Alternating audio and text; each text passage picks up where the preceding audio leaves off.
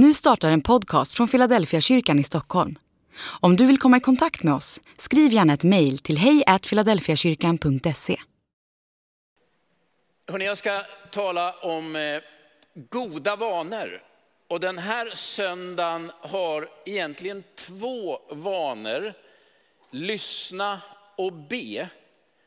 Och det betyder ju att när vi talar om att be så tänker vi lite mer att det handlar om att lyssna. Att lyssna är en grundtanke. Jag ska ta mig dit. Låt mig bara fråga här inne först, nu helt spontant. Hur många av er kommer omedelbart utan eftertanke på minst tre goda vanor ni har? Upp med en hand. Det är inte så enkelt. Nu har jag har ju förberett mig på det här. Man kan väl ändå tänka att äta frukost, det är en god vana. Att försöka röra på sig, det är en god vana. Att vara en regelbunden givare, det har jag förstått på Andreas och på mig själv många gånger, det är också en god vana. Jag kan checka en del. Nu kommer nästa lite jobbiga fråga. Hur många av er är direkt omedelbart eh, medvetna om tre dåliga vanor? Något fler händer i luften. Det kan ju bero på att det är just de dåliga vanorna vi jobbar med. Men jag tror att man ibland ska ta lite tid och fundera på vad är det jag gör i mitt liv som är viktigt och bra. Att sätta fokus på det där som faktiskt funkar. Jag vet ju hur det är när man ska uppfostra barn. Om jag har lyckats är en annan sak. Men, men om man för mycket bara påpekar det som inte funkar, då kommer man att ta självförtroendet från barnet. Och om bara en sak av hundra funkar så ska man nog sätta mycket mer fokus på den enda saken än de 99 som inte funkar. Det vill säga att du gör dig själv medveten om, men det här är faktiskt någonting bra i mitt liv. Och även i det vi kallar för våran tro, att du gör dig medveten om, det här är bra för min tro. En sån där sak som jag har tänkt är att jag ändå ber återkommande varje dag. Och jag har en otroligt bra lösning för att få till det där med bön. Min fru köpte några hundar. Ni hörde det, är pluralis. De behöver gå och den stora hunden behöver ju en mil helst varje dag, annars blir han lite stissig. Vem tror ni får gå? Men det är en fantastisk tid för bön. Det är inte tom tid, det är bönetid. Det är, man hittar de här tillfällena då det är möjligt. Eller att gå i kyrkan regelbundet. Någon gång när vi är på semester så struntar vi att gå i kyrkan och det känns direkt, det är något som fattas. Och det handlar inte om att det är någonting som händer i kyrkan som jag nödvändigtvis gillar. Jag har varit i så många gudstjänster över vår värld och i vårt land. Det viktiga för mig är inte att det sker på det sätt jag tycker är bäst, utan att jag får vara bland Guds folk. Jag hör hemma i den gudstjänstfirande gemenskapen. Och sen kan man gilla olika saker, det är rätt underordnat. Det är att vara tillsammans med Guds folk, min identitet. Idag ska jag säga någonting om bön att lyssna om bön. Och jag vill börja med en, en berättelse som kommer att landa in i ett bibelord som sen leder vidare till själva huvudbibelordet jag har. Jag var ju pastor i Fiskebäck, en stadsdel i Göteborg, under tio års tid innan jag kom hit till, till Philadelphia. Där fanns det fortfarande då några personer som var fiskare. Och de flesta fiskarna de har gått direkt från grundskolan ut på båten och tillbringat större delen av sitt vuxna liv ute på Nordsjön. Och det är ju ett ganska tufft hav att vara på. Och vid något tillfälle så hörde jag en från en besättning som berättade om en oerhört dramatisk upplevelse. De hade varit ute typ så här års, det hade blåst ganska kraftigt och de gick med trål och trålen går ju längs bottnen. Någonstans när de trålar så fastnar den där trålen i botten. Men eftersom det är så kraftig sjögång så märker inte kapten att trålen sitter fast. Och det som händer är att akten trycks ner under vatten och ganska snabbt vattenfylls båten. Och det går på någon minut eh, så förstår de det här, vi sjunker. Och det de gör då är att de, de skickar direkt ett SOS, drar på sig sina överlevnadsdräkter. Två minuter senare ligger de helt utspritt och guppar i Nordsjön. Överlevnadsdräkten hjälper en att överleva ungefär 30 minuter. Sen kommer kylan att ta ut sin rätt. Och när de ligger där så tänker de naturligtvis, var det någon som uppfattade vår signal? Är det någon som har koll på att vi håller på att gå under? Och om ingen har hört vår signal, då är vi döda om 30 minuter. Är det någon som ens ser oss ensamma guppande ute på Nordsjön? De har ju en sån här identifikationsblipp. Men då vet ju, då vet ju vi som sitter här lugnt och tryggt att så fort det där nödropet kom så går larmet någonstans inne vid sjöräddningen i Göteborg. Jag tror att det är Göteborg, jag chansar lite. Och man inser, här är människor i nöd.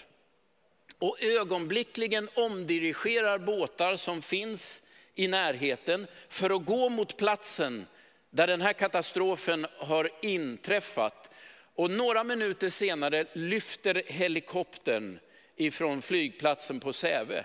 Och alla i besättningen räddas till livet. Och det enda de hade fått iväg var en enda larmsignal. SOS, jag tror det betyder Save Our Souls. Visst är det så? Jag vill läsa ifrån Romarbrevet kapitel 10 och vers 13. Ha med den här berättelsen nu när jag läser. Var och en som åkallar Herrens namn ska bli räddad. Det är exakt det de upplevde.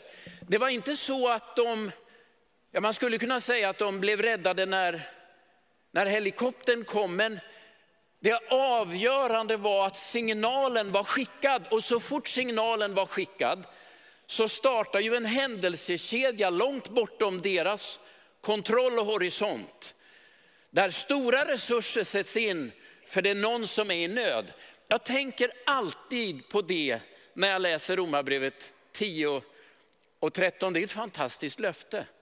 Den som skickar en signal till Jesus Kristus, då vet du, du är räddad. Ja, men jag har inte upplevt det än. Nej, inte än. Det kan hända att det dröjer ett tag innan du märker resultatet. Men det är som om Bibeln säger detsamma som Svensk Sjöräddning säger. Så fort signalen kommer så fångas den upp och räddningsaktionen sätts igång. Man skulle kunna säga att bli en kristen, det sker den dagen du vänder dig i bön till Jesus. Den dagen man säger Jesus, hjälp. Jag har en annan berättelse från min ungdom. Det är väl också typiskt när man blir äldre att man börjar tala om det som hände när man var yngre. Men de, några av de här händelserna kom ju ändå att koda mig så starkt. En av, en av de där som fanns i bekantskapskretsen, i en liten tvärkyrklig grupp som jag hängde i i Västerås när jag kom till tro. Han hette, jag vet inte om han hette Stisse, men vi kallar honom Stisse. Han hade levt ett liv så långt bort från Gud man kan tänka sig. Han åkte tillsammans med några av sina bästa vänner på en fylleresa till Kanarieöarna. Spriten var billigare söderut på den tiden. Då vet ni hur gammal jag är. Och de konstaterar redan när de skulle ombord på planet var de så berusade att en fick transporteras i rullstol för att komma. Sen söp de så mycket de orkade och kunde flera dagar i rad där nere. Då fick Stisse delirium. Alltså ur hans, egen, i, i hans eget inre började de mest ondskefulla saker krypa och kräla. Och han provade det ena efter det andra och någonstans i bakhuvudet på honom hade han väl hört hoppas jag, Pingstkyrkans ungdomskör stå och sjunga på torget i Västerås. För när inget annat hjälpte så vrålar han bara rakt ut, Jesus hjälp mig!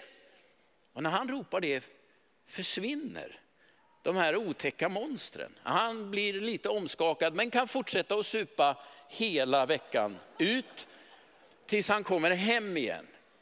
Men det är bara att det är någonting i hela hans system som har slagit om. Och han fattar ju att det nog hängde ihop med den där obehagliga och märkliga upplevelsen på hotellrummet. Det måste ha med Jesus att göra. Så han börjar gå runt i kyrkor i Västerås. För att få veta vem är det jag har ropat på, vad betyder det där? Och efter ett halvår ungefär, eh, sent i november, då trillar poletten ner. Då står han vid en busshållplats. Kan ni se detta framför er? Det säger en del om hans person. Han står vid en busshållplats, nyfallen snö, rätt mycket folk. Plötsligt fattar han vem Jesus är och han tänker nu eller aldrig. Och så böjer han knä rakt ner vid busshållplatsen och överlämnar sig till Jesus. När blev han frälst? Min uppfattning är det blev han när han ropade på Jesus. Resultatet dröjde, men den som åkallar Herrens namn, det är ett löfte att hålla i. Och det där kan du som ju är kristen också hålla i. För vi brukar nog tänka att den som har fått bönesvaret, den som har sett resultatet, den som har varit med om effekten, den har det. Men här står det ju faktiskt den som, den som vänder sig med sin nöd, sitt rop till Herren är frälst. Himlen hör direkt och agerar direkt. Men vi märker det oftast ett bra tag senare.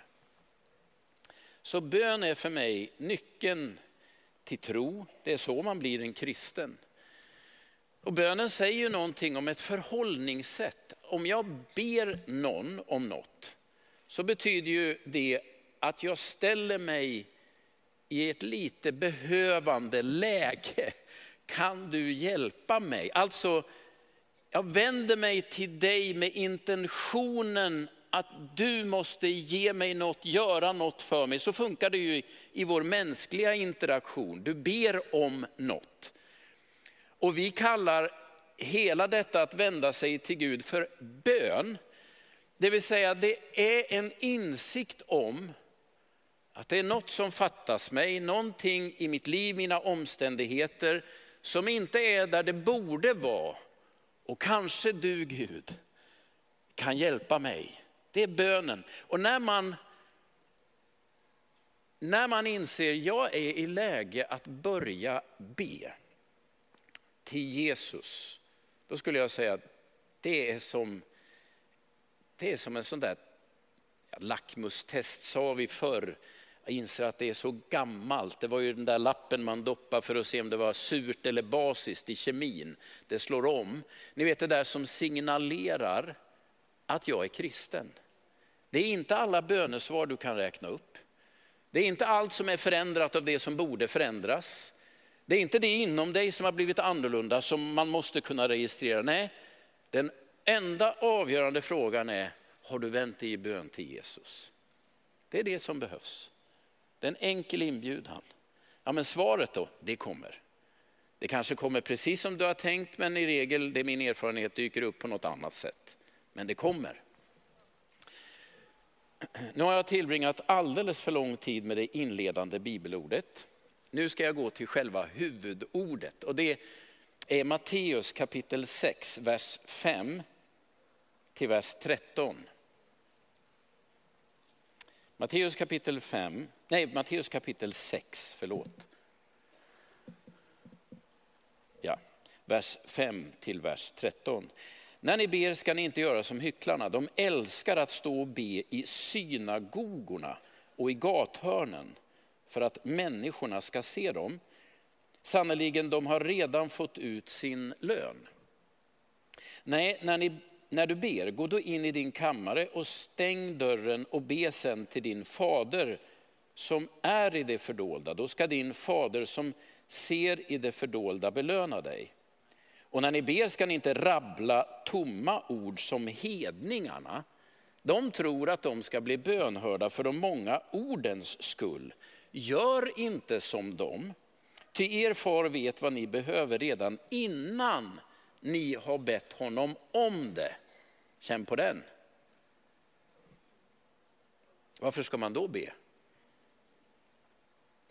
Jag kommer till det. Så ska ni be.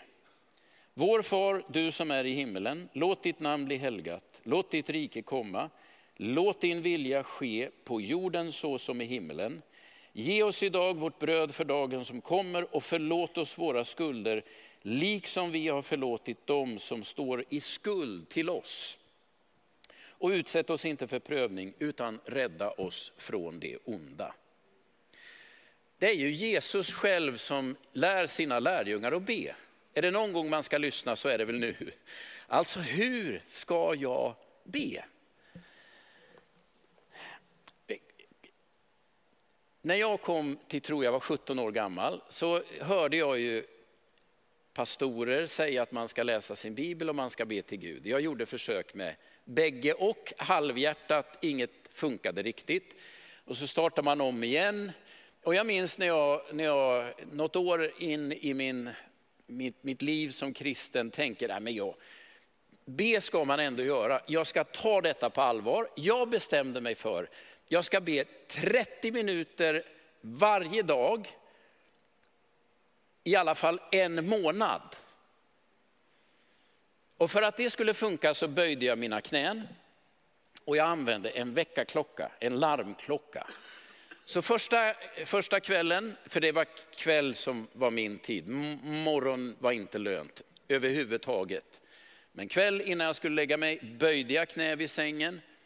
Och den där första kvällen, då tyckte jag ändå att jag hade rimligt mycket information att överföra till Gud på 30 minuter. Världsläget, ett antal kamrater, lite egna behov. Jag gick igenom det väldigt noggrant. 30 minuter, man hinner säga mycket. Och efter 30 minuter ringde klockan. Jag tänkte det här kommer gå fint. Dag två böjer man knä, sätter klockan. Så tänker jag informerade om i stort sett allt igår. Man kan inte ha glömt det här. Och sen slog det mig, jag ska hålla på så här i en hel månad. Och jag Alltså det kan knappast vara informationsbrist Gud lider av. Vad, vad ska jag göra här nu då? Ja, en hel halvtimme. Så jag drog lite om några kompisar igen och lite egna behov upprepade dem. Men jag insåg att jag kommer inte kunna göra det här 28 gånger till. Det är inte möjligt. Så varför ska jag be? Gud, du vet ju redan allt. Jag informerade dig om rubbet igår och förmodligen är du den evige och allsmäktige och har ändå koll på allt och mycket mer än det jag kan upplysa dig om. Vad gör jag här? Men nu är jag funtad sån att har jag bestämt mig för något då håller jag mig till det. Så jag insåg att jag har bara en sak att göra nu och det är att säga himmelske far, nu har jag satt av en halvtimme. Två minuter av dem har gått här. Jag har, berättat, jag har berättat allt jag kan för dig. Men är det så att du vill säga något till mig så är jag här nu. Och sen väntade jag. Och så höll jag på i en hel månad. Vad tror du hände? Hela mitt liv förändrades. Därför att jag insåg att bönen handlar väldigt lite om att Gud saknar information om vad jag behöver. Det är det Jesus säger, han vet ju vad du behöver. Du behöver inte be om det, han vet det. Däremot skulle jag behöva veta mer om vad Gud vill och tänker. Men jag har ju så svårt att lyssna. De där 30 minuterna som jag ägnade varje dag på knä för att jag skulle veta med min kropp vad jag höll på med. Ni vet, det är lättare så, lägger man sig på rygg eller sätter sig i en stol, då vandrar tanken iväg. Men den där kroppsställningen, den har alltid hjälpt mig att veta, det är det här jag gör nu. Gud började tala. Och för det mesta så låg jag på knä med Bibeln uppslagen framför mig. Några saker som jag inser att Jesus vill lära oss när vi ber. Jag ska nämna dem för de är så tydligt uttalade här. Det första, Gud är din far.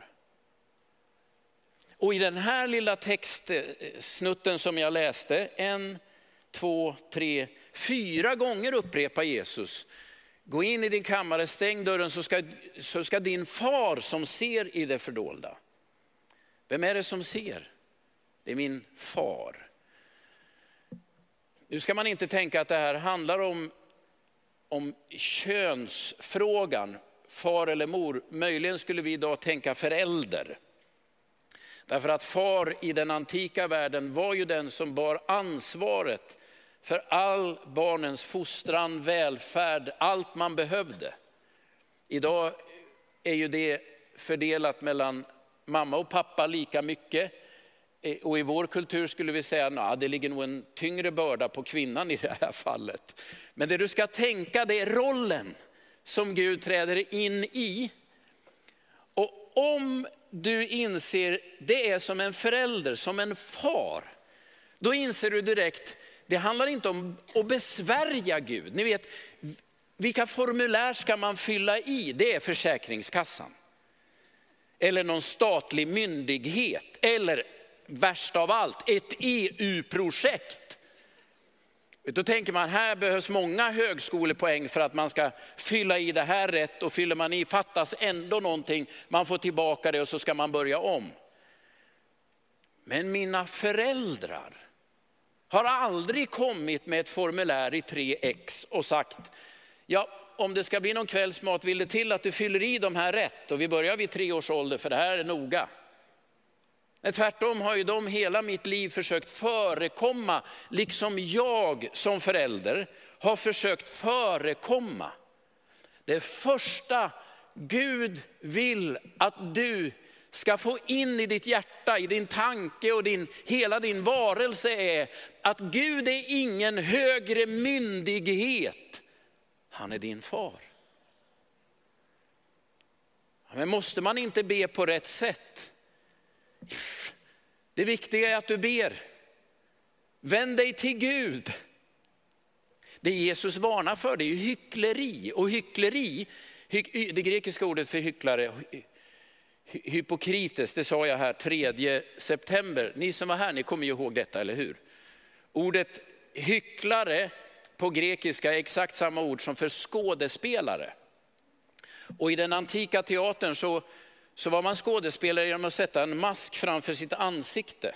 Så kunde en person ha flera roller genom att bara byta mask. Det är det ni ser på de här teaterannonserna ibland. En glad och en ledsen mask. Det är den antika teatern.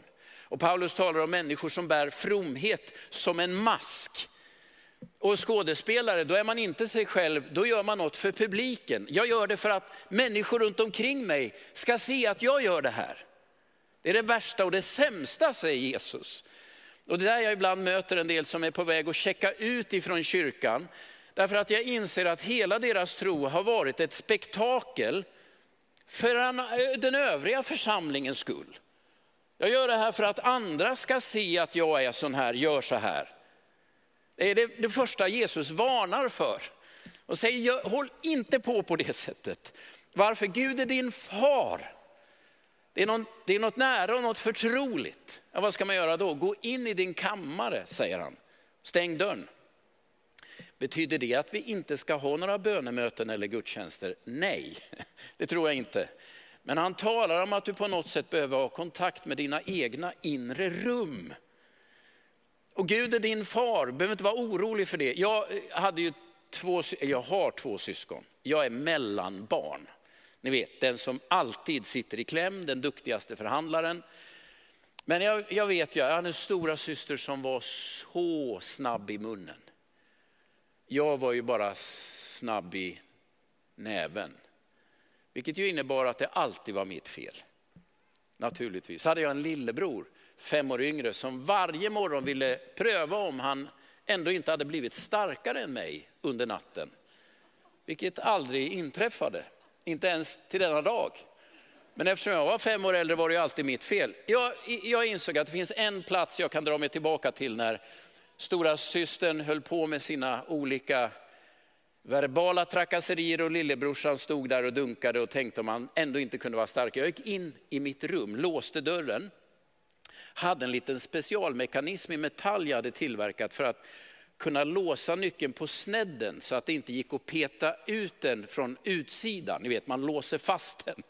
Och sen hade jag för egna pengar köpt en röd Manchester Ikea-fåtölj.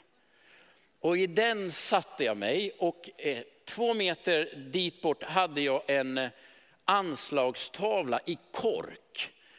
Och när jag, när jag vet, jag kan fortfarande i hela, min, hela mitt sinne kan jag fortfarande sjunka ner i den där, den nioåriga Niklas sjunker ner i den röda manchesterfåtöljen, tar fram en liten kniv och kastar den på den här korktavlan tillbaka, kastar den tillbaka och utanför ryar syrran och lillebrorsan. Nu är jag på fredad mark. Jag har alltid tänkt att när Jesus säger, gå in i din kammare. Någonstans har du det där rummet. Där du inte håller på och, och liksom förställer dig inför en massa andra eller tänker att vad ska alla andra tycka och tänka. Det Jesus säger det är utifrån den platsen du kan be. Och jag har mött många människor i själavård som har gått igenom svåra situationer. Och det som gör att deras tro verkar ha varit bevarad är ju att de har gått in i det där rummet och ibland till och med svurit mot Gud. Hur kan du låta mig? Jag har sagt vad jag har känt till Gud. Är Gud din far? Kan han bära sånt? Jag, vet, jag har mött en del föräldrar som har sagt att våra barn uttrycker sig så grovt till oss. Och jag har sagt, då kan du vara tacksam. För det betyder att ditt barn litar till 100% på dig. För skulle de ha minsta lilla tanke att du kommer att vända dig om och överge dem, då kommer de börja frisera det de säger. Ett osäkert barn är oftast ett lydigt barn. Ett tryggt barn kan ju tala om för sina föräldrar att de är födda på helt fel sida Kristi födelse. Alltså inte begriper någonting om hur världen är ordnad. Hur kan man säga det? Ja men barnet vet och föräldern vet. Vår relation, den kommer att bestå. Det Gud vill visa dig när du går in i din kammare, när du öppnar ditt hjärta för Gud, med dina sorger, din förtvivlan, allt du önskar, din glädje, dina drömmar, det är han är din far. Och genom nya testamentet är den här tanken så stark att det finns ett böneord som är bevarat, det är på arameiska. Abba, fader. Paulus har med det i två av sina brev. Han skriver ju på grekiska till en värld som talar grekiska, men det där lilla böneropet Abba, det är som pappa. Det är det, det är småbarnets tilltal till sin förälder. Det är den förtroligheten i bönen som Jesus öppnar dörren till. Och då ska du veta att inom judendomen var Guds namnet så heligt att man aldrig uttalade det, därför att man inte ville missbruka Guds namn. Och därför hade man omskrivningar, man kan identifiera det i vissa bibeltexter när, när den förlorade sonen i Lukas 15, en liknelse Jesus berättar, när han är på väg hem till sin pappa, han har, han har kört av, ja, han har åkt i diket ordentligt, kommer hem, och så, så stavar han på en syndabekännelse. Då säger han, far jag har syndat mot himlen och mot dig. Han säger inte jag har syndat mot Gud, men det är det han menar. Men i den judiska trosgemenskapen ville man inte uttala Guds namn, det är så heligt. Kan ni se kontrasten när Jesus kommer och säger, nej men Gud är din far. Du kan tala fritt ur ditt hjärta till Gud. Gå in i din kammare, Tänk inte på vad alla andra ska tycka, bli inte en hycklare. Där du säger saker, gör saker och ber saker bara för att du tror att alla andra förväntar sig det. Se till att Gud har tillträde till det där inre rummet med den röda manchesterfåtöljen och den välstoppade anslagstavlan. Det är dit Gud vill komma.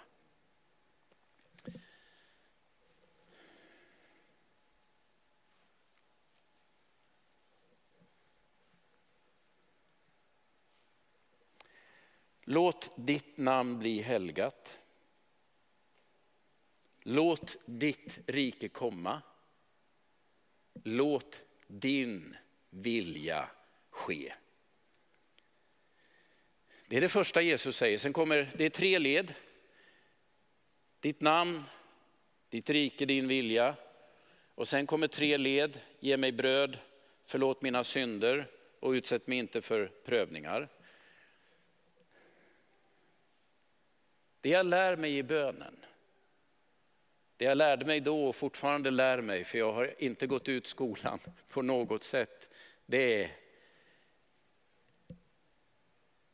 mitt namn är inte så viktigt. Mina omständigheter, de är angelägna men det är något annat rike som har mycket större kraft och betydelse. Det jag vill, hmm, tänk om allt jag vill skulle inträffa, blir världen bättre då? Kanske om din vilja fick ske. Alltså de tre första leden i bönen gör någonting med hela min världsbild. Och det tar ganska lång tid. Första bönestunden, 30 minuter, då informerade jag Gud om, om tillståndet. Men de övriga 30 minuterna, ett par månader på rad och sen under resten av mitt liv, har jag insett att jag mår så mycket bättre när Guds namn blir förhärligat och ärat. När hans rike och hans vilja får vara det avgörande och dominerande. Det sätter liksom en helt annan agenda. Och sen när jag kommer till min egen del så säger vi nu i den nya översättningen, ge mig det bröd jag behöver. Ge mig idag det bröd jag behöver. Det tänker jag det är alldeles bra för mig att be den bönen. Man ber om en ny bil, man ber om ett större hus, man ber om en semesterresa. Så säger Gud, du, om, du, om du ändå har ätit frukost idag, då kan du vara nöjd. Lunchen då? Frukost. Ja men morgondagen då? Det tar vi imorgon. Men nästa vecka då? Det tar vi då. Och inte minst den tid vi går igenom nu med den ekonomiska krisen. Alltså det är någon sorts rimlighet kring mig, mitt och mina. Men sen har jag två fantastiska löften. Ett, min synd är förlåten. Min historia, det där som inte blev vad jag hade önskat och tänkt, ja, men det är förlåtet. Ja, men framåt då? Jag ska se till att försöka navigera så att du inte hamnar i frestelse. Det är den där bönen som jag går i skola hos Jesus för att fortfarande lära mig. Ett, du Gud är min far. Då är ditt namn det viktigaste. Det skapar en hälsosam, hälsosam förändring i min självbild och min världsbild. Då är ditt rike det viktiga och din vilja det viktiga. Jag är nöjd om jag har något att äta. Och jag är nöjd om min synd är förlåten. Och jag behöver vägledning inför framtiden. Det här är Jesu böneskola. Och den handlar väldigt lite om vad jag behöver berätta för Gud. Mycket mer vad han behöver säga till mig. Så för mig handlar bön primärt inte om information utan om att hjärtat förändras. Gud, tala till mig. Gud, gör någonting i mitt hjärta. Nu är jag klar. Hörrni, jag ska bara be en bön nu, sen ska ni få lyssna till en fantastisk sång. Och när vi har gjort det ska vi öppna våra böneplatser. Och Även om jag vet att Gud vet allt vad vi behöver och vill, så uppfattar jag att likt varje förälder så är interaktionen ett egenvärde. Att vi talar med varandra, att du säger vad du önskar och behöver, det uppskattas av Gud. Och att du berättar om det du har innerst i ditt hjärta, det är vad Gud vill höra. Tror du att han inte vet? Jo, han vet allt. Men att du genom att uttrycka det uttalar ditt förtroende för Gud. Din tillit till Gud. Så ser ju all familjedynamik ut. Så när vi har lyssnat till den här sången, då kommer vi öppna böneplatser på två sidor här i kyrkan. Och dit kan du gå om du vill att någon människa ska be tillsammans med dig. Be för någon, någonting som du brottas med. Omständigheter eller vad det än är. Gud vet. Men det vi gör är att vi uttrycker vårt förtroende. Den interaktionen verkar behaga Gud. När vi kommer till honom med det han redan vet att vi behöver, men säger Gud, det här är i bön. Så är han som varje förälder glad att du kom till mig. Och han kommer att höra det du, det du ber om. Svaret kanske dröjer eller kommer i en annan form. Men bara den interaktionen börjar så startar processer. Låt oss be. Gud vår himmelske far, tack för att vi så enkelt bara kan vända oss till dig. Och nu ber jag dig att du ska höra vårt förtroende när vi nu vänder oss till dig i bön. Vi litar på dig. Vi hoppas, hoppas på dig. Vi vädjar till dig som barn till sina föräldrar. Gud vår himmelske far. Du som är alltigenom god. Se till oss, hör oss, rör vid oss. Och vi ber att du låter din kraft verka. Låt det vara ett andligt kraftfält över hela detta rum. Låt ditt rike komma. Låt din vilja bryta igenom. Förlåt vår synd. Led oss på rätt väg Herre. Nu lägger vi oss själva och resten av den här gudstjänsten i dina händer. Amen. Lyssna till den här sången och när den är färdig så kommer vi att öppna böneplatserna.